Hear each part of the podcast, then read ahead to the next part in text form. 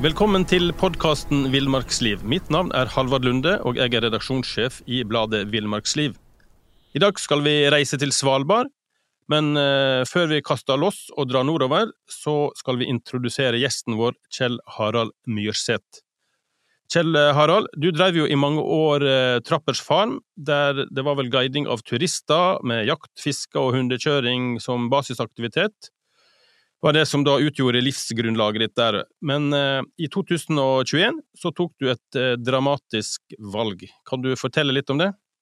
Eh, ja, i, eh, tilbake i 2001 da, så hadde jo korona mm. herja i, i ett eh, års tid. Og da eh, denne bedriften jeg hadde, hadde spesialisert meg på guiding av langturer. Og når ikke disse turene ble mulig, da, så så eh, ble jeg fort eh, lei eh, der koronaturismen, og, og da begynte det å blusse opp en, en, en, ny drøm om å bare stoppe å produsere eventyr for andre og bare ja, konsentrere meg om kun mine egne eventyr på fulltid. Og da Nye drømmen det bestod av å, å oppleve friluftsliv på nye måter med, med seilbåter. Og da så det som var dramatisk med det, det var at jeg solgte alle mine 25 beste venner. og kjøpte meg en seilbåt for de pengene. Og det var utrolig vondt å selge dem, men samtidig så hadde jeg bare en sånn trang til å oppleve verden på en ny måte og friluftsliv på en ny måte. så og disse vennene var jo da hundene du brukte i, i, i guiding, blant annet? Ja, det var 25 grønlandshunder. Men, eh, men, eh, å kjøpe en seilbåt, det kan jo mange av oss få til. Men eh, å, å seile, det, det, er ikke alle som kan. Og, og, du heller var vel ingen sånn erfaren seiler når du kjøpte seilbåt? Eh, nei, på ingen måte. Så jeg hadde aldri, faktisk aldri seilt før og vært i en seilbåt én gang, hadde jeg. Og selv om jeg er fra Balsfjord, ja. som er en, en sånn gammel ishavskommune, så er jeg overhodet ikke sjøsterk. Og jeg brukte de første månedene mest på å henge over rekka og uh, overleve sånn sett. Men uh, seilinga i seg sjøl fant jeg jo veldig fort ut av. Det er jo heldigvis enkelt og praktisk og logisk. Og jeg lærte fort at det viktigste er å lære seg å respektere naturkreftene. Mm. og og det med naturkreftene, det har du jo god erfaring med som, som For det fri, friluftslivet du har drevet, er jo stort sett på, på fjell og, og vidder. Ja. Det, det, det, som har vært min arena, har jo vært fjellet og viddene og skogene. og men det blir jo noe helt annet ute på havet, selvfølgelig. Men eh, det handler i bunn og grunn om å ikke, ikke ja, respektere naturkreftene. og så er, På en båt så skjer det jo hele tida ting. Ting går sunt, og motoren fjusker. og Så man må bare være øvelsesorientert og, mm. og ha backup-planer hele tida. Men den, eh, da brukte du litt tid liksom langs norskekysten få på, rett og slett på å lære deg å, å, seile og lære deg å kjenne båten? Ja, altså første, første året så var jeg, jeg begynte å seile Jeg seila ett helt fra første dag. Og første året så var Snøsbruen da i egen flytende jakt- og fiskehytte. Så da seila jeg rundt i, mest i, opp i nord. Men først ned til Danmark, og så hele kysten opp til Finnmarka. Og så nedover eh, Nord-Norge etterpå. Så, så jakta jeg og fiska langs hele kysten i, i ett år, da. Høres ut som et greit, ganske greit år, da. Ja, det var det var, var litt hardt i, i mørketida, og da var det litt mindre seiling i, ja. ytterst i Lofoten her, men, men, eh, ja. Det var liksom, ja, da hadde jeg eh, drømme, drømmehytta mi. Ja. Men så sommeren 2022, eh, altså i fjor sommer, da, da gikk turen mot Svalbard. Og det er jo det vi, den turen vi skal snakke om egentlig i dag, da. Og og, men det er jo en stor forskjell på å ha sagt, forflytte seg og seile innaskjærs, eller delvis innaskjærs, i hvert fall langs norskekysten, og det å sette kursen eh, nordover, der du har på en måte ja, Når du ser på kartet, så har du liksom Norskehavet på venstre side og, og Barentshavet på høyre side. Og jeg skjønte jo på deg at overfarten var ganske tøff. Nå får du bladet Villmarksliv rett hjem i postkassa i tre måneder for kun 99 kroner. Send SMS VILL36 til 2205 og motta bladet allerede neste uke. This Mother's Day, celebrate the extraordinary women in your life with a heartfelt gift from Blue Nile. Whether it's for your mom, a mother figure, or yourself as a mom, find that perfect piece to express your love and appreciation. Explore Blue Nile's exquisite pearls and mesmerizing gemstones that she's sure to love. Enjoy fast shipping options like guaranteed free shipping and returns. Make this Mother's Day unforgettable with a piece from Blue Nile. Right now, get up to 50% off at BlueNile.com. That's BlueNile.com. Uh, ja, altså det var, ikke, det var, jo ikke bare meg som var på den turen her, det var jo også Miriam uh, Mykjeland. Altså, som nettopp hadde flytta inn på båten. Ja. Og så uh, Ja, man trenger jo et værvindu på en, mellom fire og seks dager for å komme seg opp. Og mm. ofte på en sånn havkrysning så vil man starte etter et uvær, så, ja. så du kan seile på slutten av en kuling, f.eks. Og det mm. gjorde vi da. Starta i en kuling, og så som roa seg. Eh, selv om, eh, selv om Miriam hang og, og, og spydde mest over rekka første tida. Og, eh, ja, og så var det jo det første ordentlige havkrysninga begge var på. Så det ble veldig lite søvn. Det var kanskje det største problemet, at man ikke eh, klarte å roe seg såpass at man sov ordentlig. Mm. Og så, men så hadde vi lite stopp på, på Bjørnøya.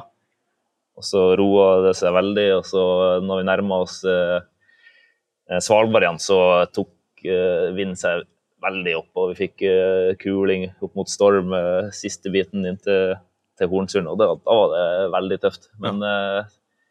ja men egentlig, egentlig, ingenting i forhold til tilbaketuren. da var det, den var enda verre.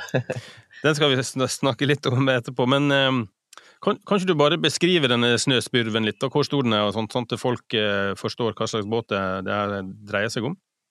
Ja, det, det er jo da en, eh, en seilbåt av typen eh, Maxi 100, som er 34 fot.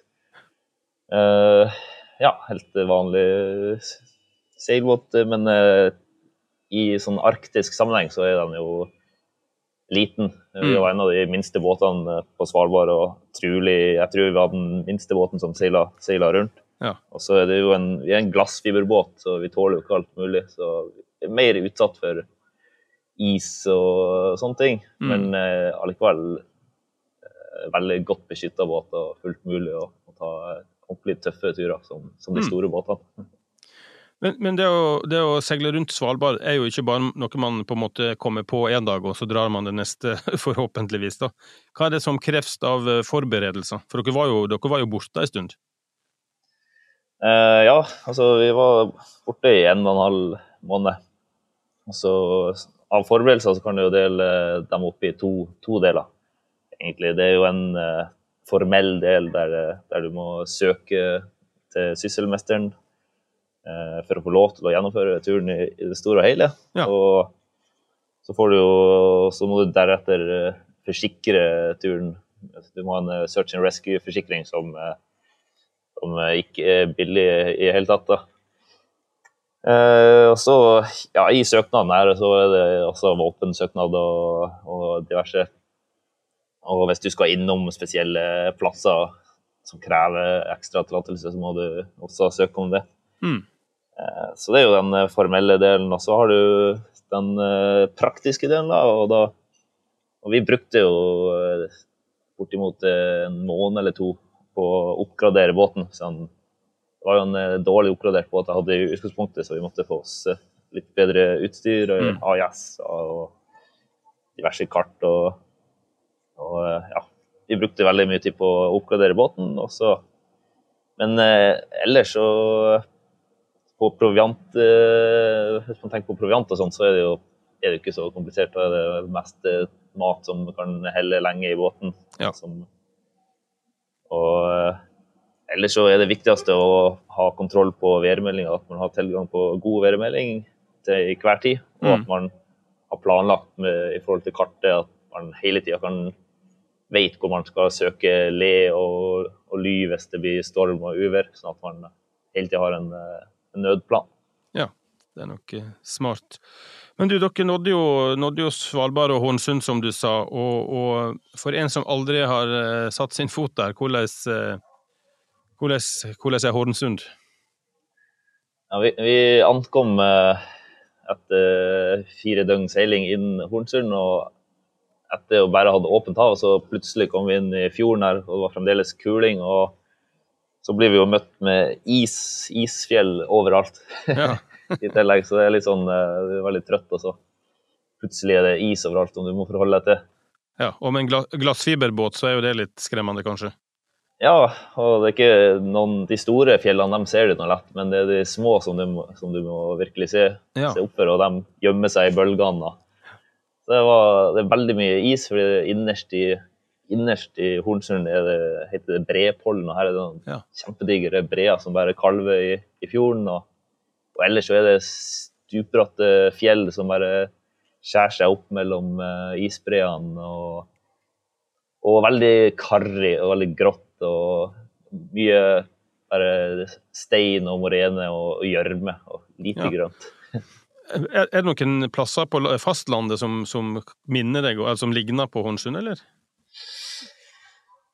Uh, det, det, nei, det kommer jeg ikke på. Det må være oppe i, langt oppe i fjellet med breene. Ja, ja, Øksfjordjøkulen, kanskje. Men på Svalbard så er det jo et, et visst dyr som en skal helst passe seg litt for, isbjørn. Hvordan eh, forbereder dere på, på liksom eventuelle møter med isbjørn? Ja, det, det aller beste tiltaket, spør du meg, da, om, for å unngå skumle situasjoner med isbjørn er jo å bare ikke treffe på han i hele tatt. Da. Så egentlig og i hvert fall ikke møte på han i uh, sånne overraskende uh, situasjoner. Ja. Så, så hver gang vi gikk i land, så hver gang vi gikk i land, så kjekk vi med kikkert og forsikra oss om at det ikke var noe isbjørn i nærheten. Og så når vi var ute og gikk i terrenget, så, så helte vi for det meste åsryggene og helte oss i høgda mm. Bare for å ha oversikt hele tida. Ja. Og eh, også i, unngå å gå i altfor mye sånn morenelandskap der du ikke vet hva som er bak neste haug. Mm. Og så har vi jo selvfølgelig eh, våpen med, eh, og signalpistol for å skremme bort. Og I tillegg så hadde vi på seilbåten så har vi en liten sånn badeplattform. Mm. Og den, den kan, kunne jo isbjørn i teorien klatre rett opp på båten og inn ja. i cockpiten. Så, så, vi lagde oss ei spikermatte. Oh, ja. eh, like mye for, for, sikkerhetsfølelsen som sikkerheten, da. Ja, ja. Så bare så at vi, vi kunne sove litt eh, bedre om natta. For, ja, for en isbjørn er ikke noe vanskelig å klatre opp på båten når det er en Nei, han er jo en, både en god svømmer og en god klatrer, så det og, og sterk. Men etter Hornsund Hånsund så, så, gikk turen videre oppover langs østsida av Svalbard, da til Belsund. Og selv om distansen her ikke er sånn kjempestor, så du skriver jo en artikkel du hadde på trykk i Villmarksliv at, at, landskapet plutselig liksom, det var, det var, helt forskjellig fra Hornsund. Hvordan, eh, hvordan var det forskjellig? Ja, det er bare Det var som å komme plutselig til Færøyene. Ja. Det, var, det er så grønt og frodig, så når, når vi kom inn Veldsøren, så fikk vi bare fjellveggen bortover som fjell i seg sjøl er bare veldig fargerikt, og du ser, ser liksom eh, hvordan hele fjellet er bygd opp i lag på lag som bare forskjøver seg, og så hele fjellsida grønn som eh, Skikkelig grønn og frodig og masse gress og og eh, ja, mat til reinsdyrene. Og det er ja, mye fugler, mye, mye ja. dyr generelt. Det var en helt annen verden, selv om det bare var rett over på andre sida av, fjellene, nærmest. Ja, Du, du nevnte rein, og, og Svalbardreinen er, er, jo noe for seg sjøl. Eh, men, men, i likhet med isbjørn, så er, så er, den heller ikke redd for oss. Men den er jo til, til gjengjeld ikke farlig. Ja, det er noe sant. Den, uh, jeg vil si Svalbardreinen han er jo eh, han er ikke redd mennesker, men den der reinen i, i Beltsund han tror jeg bare var høy på alt det der gresset han hadde etter line. For han var, han var, han var tydelig direkte og nysgjerrig og Ja. fulgte etter oss og i flokker. De kom jo på flokk etter flokk som begynte å følge etter oss. Så det var som å, det var som å leke rødt lys med, med dyrene. Var sånn, hver gang vi snudde oss, så var de ti skritt nærmere. Og det var flere ganger at, eh, at jeg ble skvatt. Plutselig så kom det noen reinsdyr springende rett imot. Da. Ja. og spratt. Og, Det, det må jo være en Ja. flott opplevelse, da, å få dem så tett på, eh, tross alt.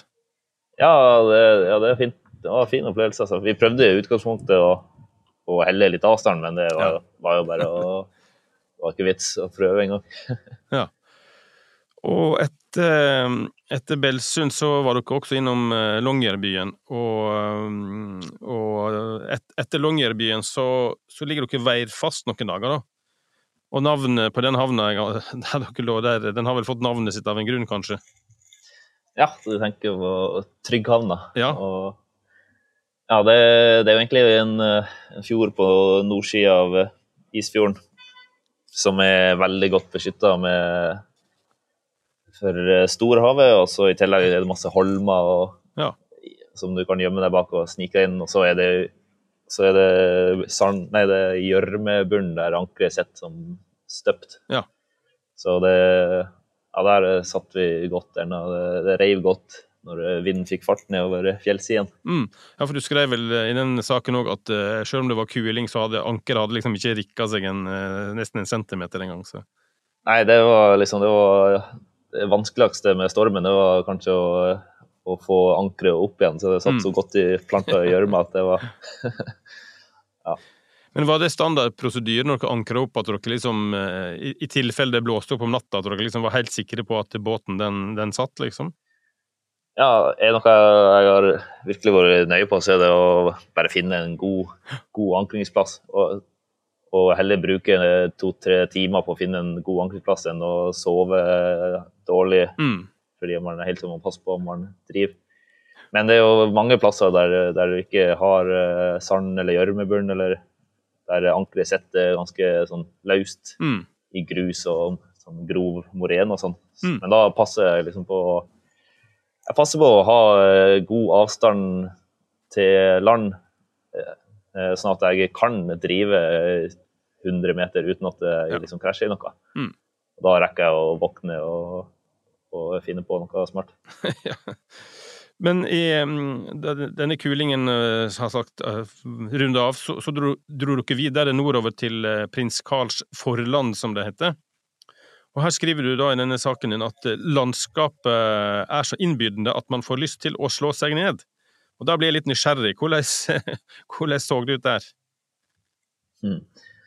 Eh, ja, altså Prins Karlsvollan er jo egentlig bare ei sånn smal øy som går Ja. oppover vestkysten. vest, vestkysten. og eh, ja, det er store, høye fjell med ikke så mye is, men uh, veldig store sletter og daler i, imellom de høye fjellene. Og eh, en, den ene plassen vi var da, da ja, midt i det her eh, landskapet mellom de store fjellene, så ligger det bare den gamle, falleferdige fangsthytta som jeg bare Ja. fikk sånn medlidenhet for. Og vi gikk bort og kjekk, og ja, taket var jo eh, blåst av for eh, lenge siden. Men uh, inni, inni hytta der så lå veden fremdeles stabla under eh, brisken. Og eh, ovnen var sånn halvveis uh, i takt der, og, og liksom smeltevannskjelen sto liksom på gulvet. Det så ut som bare folk hadde Ja. Forlatt den eh, over dagen, og så hadde hele tida bare, alt bare blitt rasert i mellomtida. Men eh, jeg vet ikke historien bak den hytta eller noe, men eh, ja, det Det var er Kan, kanskje spor etter gamle fangstaktivitet? Ja, det, jeg regner med det var en gammel fangsthytte, eller en, Mm. en, i hvert fall en bistasjon til fangsthytten. Men apropos det å gå, gå i land, jo, du var jo så vidt innom det, men det, det finnes jo en rekke restriksjoner på Svalbard eh, som, som en må forholde seg til. Kan du fortelle litt om, om eh, på en måte hva er det, er jo ikke fritt fram. Eh, nei, det, det aller meste av Svalbard er jo freda i en eller annen form. Og så har du jo eh, de strengeste fredningene som er, er naturreservatene der oppe, og så har du jo enkelte eh, kulturminner som er også strengt eh, regulert. Og enkelte i fuglereservatene er jo kanskje de som er mest eh, strengt. Mm. Uh, og der er det ikke lov å, å, gå i land, og ikke lov å være i nærheten med båten heller, for så vidt. Mm. Og så har du enkelte plasser der du ja, der det som sagt må søke for å gå i land, der det er kulturminner. Mm. Uh, ja, så er det også, også ja, det kan være litt eh, vanskelig å finne informasjon her, da, men du finner det meste på Sysselmesteren sine hjemmesider. Og, mm. og, så tok jeg også og Hvis det var noen plasser jeg var usikker på, noen uh, naturreservater som jeg var usikker på, så gikk jeg inn på, på lovdata.no, og der står liksom hele ja. alt, alt Ja, så lagde jeg meg bare ei liste, så jeg visste hvor jeg skulle helle meg unna. Men etter, etter prins Karls Forland så, så, var Kongsfjorden neste post for dere. Og her, eh, her, ligger det jo flere andre seilbåter, så dere var jo ikke de eneste som seila i, i, i, og rundt Svalbard, da. Men her får dere eh, advarsel om, om isbjørnaktivitet. Ja, før, uh, før, det her da, så hadde vi jo egentlig bare sett spor etter noen gamle isbjørnspor uh, i Hornsund. Nå får du bladet Villmarksliv rett hjem i postkassa i tre måneder for kun 99 kroner. Send SMS VILL36 til 2205 og motta bladet allerede neste uke. Mother's Day is around the corner. Find the perfect gift for the mom in your life with a stunning piece of jewelry from Blue Nile. From timeless pearls to dazzling gemstones, Blue Nile has something she'll adore. Need it fast? Most items can ship overnight. Plus, enjoy guaranteed free shipping and returns. Don't miss our special Mother's Day deals. Save big on the season's most beautiful trends. For a limited time, get up to 50% off by going to Bluenile.com. That's Bluenile.com. Men når vi kom opp til Ny-Ålesund, så fikk vi jo beskjed at, det, at forskerne der hadde jo sett eh, flere isbjørner de siste dagene. Og og eh, en annen seilbåt han fortalte at det var et eh, hvalkadaver eh, lenger nord. Ja. På, på Jøy, der de hadde sett finner med unger. Og, og som vi seila en dag, så, så hører vi det plutselig komme inn en samtale på, over radioen. Og da, og da, er det en, en seilbåt som advarer en annen seilbåt som Eller han kommer inn og så sier han ja, skulle bare informere dere om at det er en isbjørn som liksom svømmer utfor båten deres og prøver å komme seg opp i, i båten. så det var bare en sånn hverdagslig radiosamtale vi overhørte. så, ja, så kom vi inn til Raufjorden, og det var kanskje først det nærmeste fram til da vi hadde vært i eh, bjørn. Da var vi på en eh, dagstur opp på et eh, fjell, og når vi skulle tilbake til Jolla, så, så kom vi rett i noen eh, blodferske bjørnspor som altså hadde gått i, i vannet helt i fjæra. Og sjøl sporene i, som var under vann, var liksom ennå synlige. Oi. da, det var ikke han så langt unna? Nei, så da, og det var liksom den retninga vi skulle gå, da. Så vi var veldig spent om vi kom til å møte på han, da. Men, mm. Eh, men eh, ja, heldigvis gjorde vi ikke det, da. Men du, en tur eh, rundt Svalbard, det er jo, vi var jo så vidt innom dette med kulturminner, men det er jo en reise i kulturminner. Og dere var vel innom eh, Virgohavna. Og mm. hva kan du fortelle om, om, om den plassen? Ja, Virgohavna det er jo, har jo vært en eh, base for, for flere Nordpolekspedisjoner i, i den tida alle skulle komme seg først til Nordpolen. Og, mm. og blant annet så har det stått en, en kjempediger hangar er det det heter? En, eh, ja, en sånn luft, ja. en luftballong. Ja, eh, kjempediger hangar har, har liksom stått der. Så det er ruinene etter det. og Det ser ut som en diger eh, søppelplass, og det er ikke noe pent syn. Men så har det også vært ei gammel faktisk Svalbards første turisthytte her. Ja. På, ja, i Virgohamn der. Og så har du, hvis du ser over nordover, da, så ser du jo Amsterdamøya. der har de de hollandske hvalfangerne eh, Det var der de holdt til og, mm. og hadde den spekkesmeltinga. Hadde de åndene sine. Så veldig mye historie her. Og ja, så overalt der så finner du jo graver eh, langs eh, I alle de havnene så ligger det i og grav og sånn. Mm. Han, eh, han, André, han svensken som hadde luftskip der oppe, han skal vi faktisk komme tilbake til eh, med, med en historie om i en senere podkast. Men eh, ja.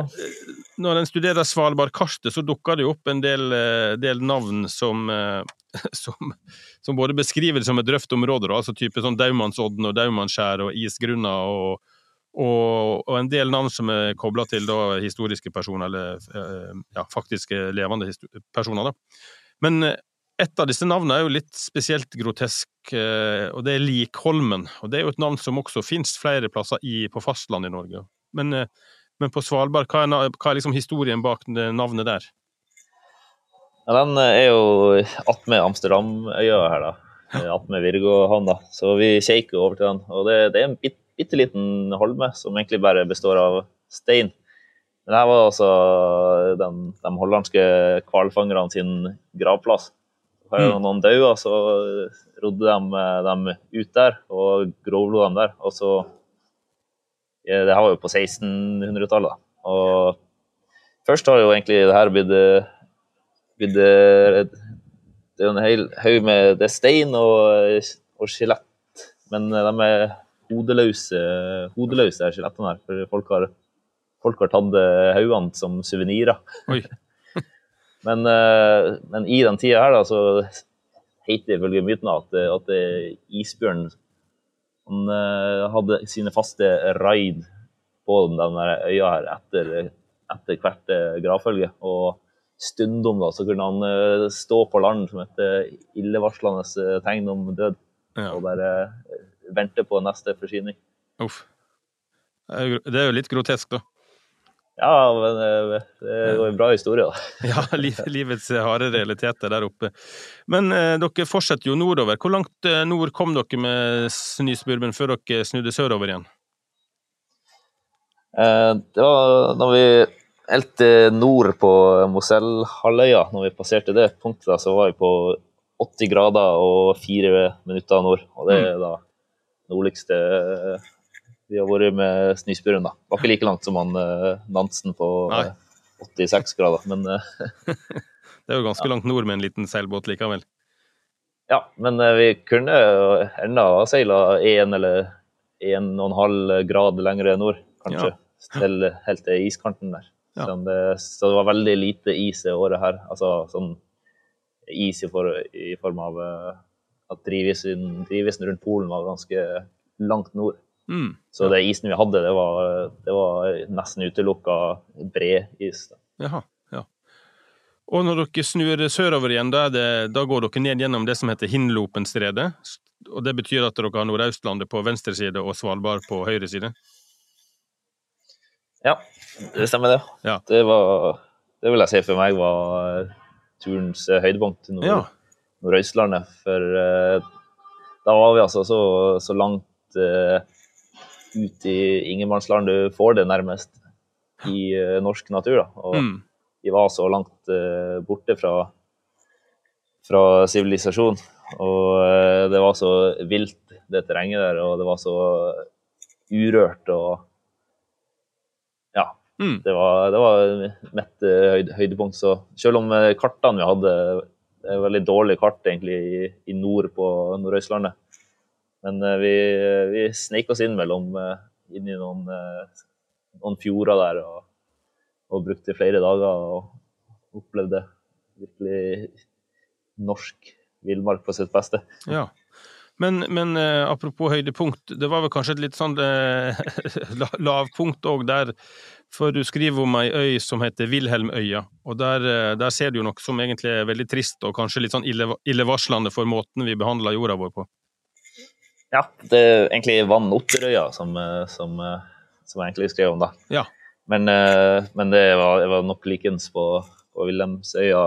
Altså, det, ja, det, det, var masse, masse søppel. Og det var noe som ikke var kun her, da. Det så vi jevnt over hele mm. Svalbard, mye søppel. Men i Hinlopenstredet der, så det er jo mye feske, fesking der. Og også i Storfjorden og alt og strømmene gjør nok at, det, at, at søpla føres opp på der øyen. Men på mm. Vanneotterøya, det var den mest forsøpla øya vi var på hele turen, og kanskje en av de mest forsøpla plassene jeg har vært på, i, hvert fall i Norge. Mm. Og eh, det var mengder med spesielt garn og, og tau og oljedunker og alt mulig rart. Og, ja, og, og det her eh, vikler jo dyr i Vi fant bl.a. typiske eksempelet på reinsdyrgevir som bare satt fast i noen Ja. barn. Som eh, ja, Reinsdyr var selvfølgelig ett opp for lenge siden, Ja, ja. men eh, det vitna om eh, en trist skjebne. Så, Mm. ja, så vi, vi prøvde jo å, å plukke søppel, spesielt garn og, og sånt. Det plukka vi under hele turen. Men her, når vi kom hit, så var det helt håpløst. Det var Vi hadde jo måttet hatt flere, flere mange, mange seilbåter for å ha fylt alle all Ja. søpla her. Ja, så det var, det var trist, trist eh, greier. Og så er det så eh, ironisk òg, man er så langt inn i villmarka du, kommer, liksom, og så er det mer i søppel enn eh, enn det du kan tenke deg. Og så er det jo Mm. bare dråpen i Det er bare en lit, liten del av det du ser. Resten ligger jo i havet som Ja. spøkelsesgarn og fortsetter sin fangst. Ja, på ingen måte bra, det, altså. Men du, vi har jo vært innom isbjørn, og, og du sa at dere så jo spor, men var dere liksom, så dere fysisk isbjørn, og var dere i nærkontakt med isbjørn på turen? Eh, ja, det hadde vi. Vi hadde Nærmeste isbjørn var faktisk eh, ti meter unna oss, Oi. kanskje. Da, eh, men det var på Nordøstlandet, da vi Da var det Vi så jo Vi trodde vi så isbjørn hele tida, men det var som regel bare en, en isklump eller en, eh, en hvit stein. Men eh, så var det en dag vi så en, eh, en hvit stein som svømte over, over sundet. og, og da det var en kjempediger, smellfeit isbjørn som bare vandra og knaska i seg ja, terneegg og ble angrepet av terner. og Han eh, la seg nå bare ned på ei, ei strand akkurat da vi kom seilende forbi. Så seila vi på ti meter unna han, bare eh, pass, passerte han. og ja, Veldig spesiell opplevelse. Han brydde seg ikke. Det var ikke sånn at vi prøvde å følge etter han akkurat, men vi passerte han akkurat på ti meter på mm. land der, og det var, ja, en mektig opplevelse. Ja. Så, men senere så traff vi så hadde vi en annen bjørn som eh, var rett attmed der vi hadde ankra opp. Og det var en, eh, det var en skikkelig avmagra bjørn som bare lå, lå i solsteiken. og Han så ut som en avmagra husky som Mm. bare Du så liksom beingrenda og hoftene rett gjennom eh, pelsen. Ja, så det er litt forskjellige skjebner på de bjørnene også. Mm. Men, Men hva andre dyr kan en forvente å se på en sånn tur rundt Svalbard? da? Ja, det er masse I hvert fall eh, på vestsida av eh, Svalbard så er det mye, mye reinsdyr. Ja.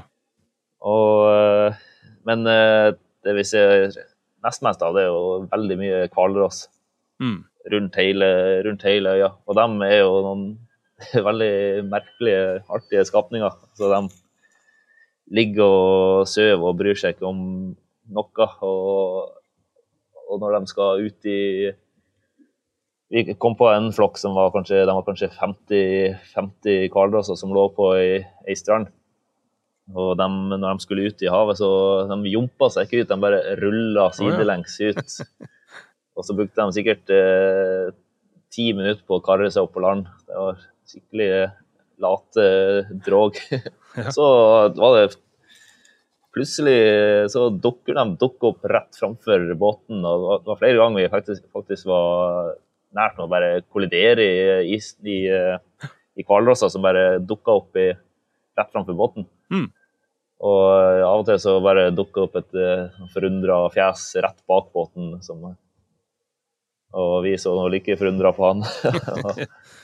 Det er jo positivt, da, for, for eh, hvalrossen var jo vel nesten utrydda for, eh, ja, for 100 år siden. Så. ja, jeg Ferm- tror, jeg, jeg, tror eh, Jeg er ikke noe biolog, men jeg tror han har det rimelig bra på Svalbard eh, nå. Mm. Det var Vi så eh, flere hundre, hundrevis av dyr. Mm. Ja, det er bra. Men du, eh, isbjørn og isfjell og, og kalvende isbreer og, og andre ting som kan gå galt. Eh, hadde dere en plan B? Eh, altså, vi kan jo, Hvis at f.eks. båten synker, så har vi ikke noe Nei. reservebåt borte fra eh, nød, nødflåte og, og sånn. Mm. Men eh, ja, som sagt, det viktigste er jo å, følge med på været hele tida. Så har du jo din største sikkerhet er jo andre båter. For man er jo overhodet ikke den eneste seilbåten som seiler rundt eh, Svalbard. Mm.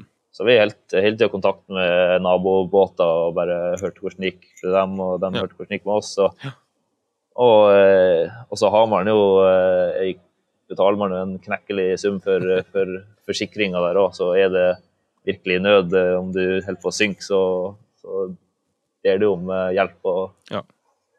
da er det det som er nødplanen. Mm. Men eh, nå går jo turen mot slutten, dere er snart kommet rundt Svalbard. Men eh, da er det jo en værmelding som gjør at dere eh, tar en beslutning om å hoppe over et par, eh, par plasser dere hadde tenkt å stikke innom. Og så legger dere turen sørover mot, mot fastland igjen. Kan du fortelle litt om den turen? Ja, det var Vi fikk en uh, værmelding på Vi måtte begynne å planlegge tilbaketuren her. Og så hadde vi et eh, lite værvindu, og så skulle det komme en skikkelig hard kuling. Så vi hadde liksom et dilemma. Skal vi, skal vi fære nå med en gang, eller skal vi vente til etter stormen? Mm. Men da kunne vi fort ha blitt liggende i tre uker til, så vi, Ja. så vi måtte velge å bare reise uten å være innom Barentsøya og Edgeøya. Men det fikk bli en annen gang, da. Også, men eh, turen sørover ble veldig utfordrende. De, etter å ha seila rundt Svalbard, så bruker man jo motoren ganske mye, så vi hadde ikke sånn eh, alvorlige mengder med diesel igjen. Og så hadde vi et, et værvindu på, på seks, seks dager, så det skulle være rikelig. Eh, men eh, så fikk vi jo vindstille i starten. Og det vindstille hadde vi to første dager nesten, så, så vi klarte jo nesten ikke å, å eh, bevege oss. Eh, Så vi endte faktisk med å putte jolla på vannet og, eh, og, kjø, og, og, og midt ute på Barentshavet så kjørte vi med jolla. Vi drog eh, båten med oss med jolla i flere en, en hel ja, en halv dag. Så drev vi og gjorde sånn. Så var det å sprinkle litt og spare litt på dieselen. Og så, men det gjorde at vi kom litt bak eh, skjema, da. Og så kom den kulingen kom to, vekk, to uh, dager før han skulle, da. Og så kom han rett sørfra. Og så, eh, og så røyk eh, autopiloten eh, midt inni der, og så holdt bommen på å løsne. Det var utrolig masse som skjedde på en gang, og så fikk vi Så vi lå faktisk an til å, til å komme i land helt langt nord på Finnmarkskysten, da vi egentlig skulle til, til Senja. Så Og de bølgene her var Jeg fikk veldig, veldig store bølger og knappe bølger, og spesielt én bølge som traff oss eh, rett i sida da vi ikke fulgte så godt med. Og da kasta, ble hele båten kasta opp på sidelengs bortover Oi. og la seg helt over på sida, så masta slo i vannet. Og eh, det, det satte en virkelig støkk i oss. Ja, det vil jeg tro. og eh, Miriam lå og sov da, så hun ble jo slengt veggimellom ned i båten, og jeg eh, holdt jo på å havne på havet. Ja. Og, eh, men, eh, men det gikk bra, så, og seilbåten er utrolig stødig. Han retter seg hele tida opp igjen Mm. eh, han blir kasta over. Og, og så, når vi begynte å nærme oss uh, Senja, så var det sånn at uh, plutselig så, så vridde vinden seg akkurat nok så at vi kunne krysse inn og, og sikte inn i Malangen, Mallangsfjorden. Og, og med en gang vi kom inn i Mallangsfjorden uh, nord på Senja, så bare stilna det helt. Og vi hadde diesel nok til å bare putre inn til land. Og, og ja. Og ja, det var en fantastisk fin måte å, å komme tilbake på. Selv om det var tøft, da. Ja da. Du får jo vel en litt sånn eh, eh, hva skal jeg kalle det, respekt eller god erfaring da med båten, når du, du ser hva den faktisk tåler. Ja, og det handler jo egentlig hele tida bare om å, om å redusere krafta i, i seilene. Mm. Og, og eh, i verste fall så måtte vi jo bare ha lagt oss ut i havet hvis det ble storm fra sør. Da, da det er ikke vits å kjempe seg imot uh, uværet. Da hadde det nesten vært bedre å bare ligge og ridde den av uh, uten seil Mm. havet. Men uh, ja, vi reduserte bare seilene ned til et minimum, og, så vi ikke fikk uh, liksom, overbelastning. Og, og så gikk det Det går jo uh, fint som regel. Altså, det skal mye til for å for å ta, ta knekken på, på uh, båten. Men selvfølgelig, vi hadde jo, fikk jo mye vann over bord uh, av og til og, og, og sånt. Men ja, men det, er sånn er jo seilinga. Men du, eventyret med Snytspurven den stoppa jo ikke på Senja, for, eh, for der du sitter nå, der er det verken isbjørn eller kuldegrader. Hva, eh, hva er det prosjektet ditt går ut på nå? Ja, nå, uh, nå befinner jeg meg faktisk på Gran Canaria. Ja, Ikke, Granca. ikke, ja, ikke, for at, uh, ikke for at det her er et mål i seg sjøl, men det, det er nå en uh, stopp på veien sørover, da. Så om nå på søndag så er planen å, seile videre sørover. Syv dager havkrysning til vi kommer til Kapp Verde. Og når vi kommer dit, så blir vi nok der en måneds tid kanskje før vi krysser Atlanteren over til Brasil. Og da, eh, ja Foreløpig sånn eh, grove plan er å bruke kanskje et års tid på å seile rundt eh, Sør-Amerika. Men jeg planlegger òg en lengre, lengre tur innover eh, Andesfjellene, Patagonia, argentinsk Patagonia Mm. også. Så det blir ja, jeg er jo, Selv om det er artig å seile, så er det, det er på land eh, de ordentlige eventyrene er, syns jeg. da. Så seilinga er eh, transport. Det er fint å seile, men det, det som er finest med seiling, er å komme til de nye plasser og være på land. Så det er der eventyrene skal gjøres. Så må jeg bare si at vi, vi lanserer snart en, en, en film på YouTube med, fra turen. Så Ja. Bare å følge med på snus, Snyspurven. Snøspurven er det jo bare å bruke Google, så, så eh, finner en fram. Yes, da tror jeg vår tur eh, begynte å nærme seg slutt her òg, og da, hvis du vil ha mer podkast fra oss i Villmarksliv, så er det podkasten villmarksliv.no. Der finner du alle tidligere episoder. Og Kjell Harald, da får vi bare ønske deg eh, hjertelig god tur videre, og tusen takk for eh, praten. Ja, tusen takk.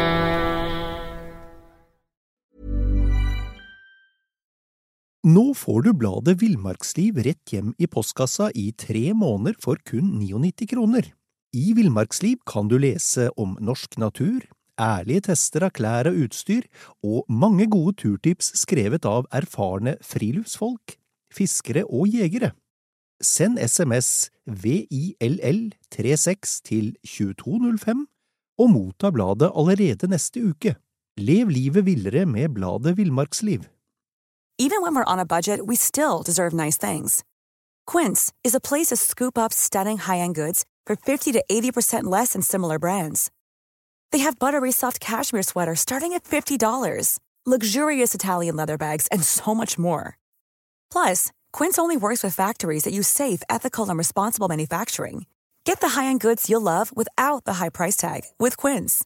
Go to quince.com slash style for free shipping and 365-day returns. Mom deserves the best, and there's no better place to shop for Mother's Day than Whole Foods Market. They're your destination for unbeatable savings, from premium gifts to show-stopping flowers and irresistible desserts. Start by saving 33% with Prime on all body care and candles. Then get a 15-stem bunch of tulips for just $9.99 each with Prime. Round out Mom's menu with festive rosé, irresistible berry chantilly cake, and more special treats. Come celebrate Mother's Day at Whole Foods Market.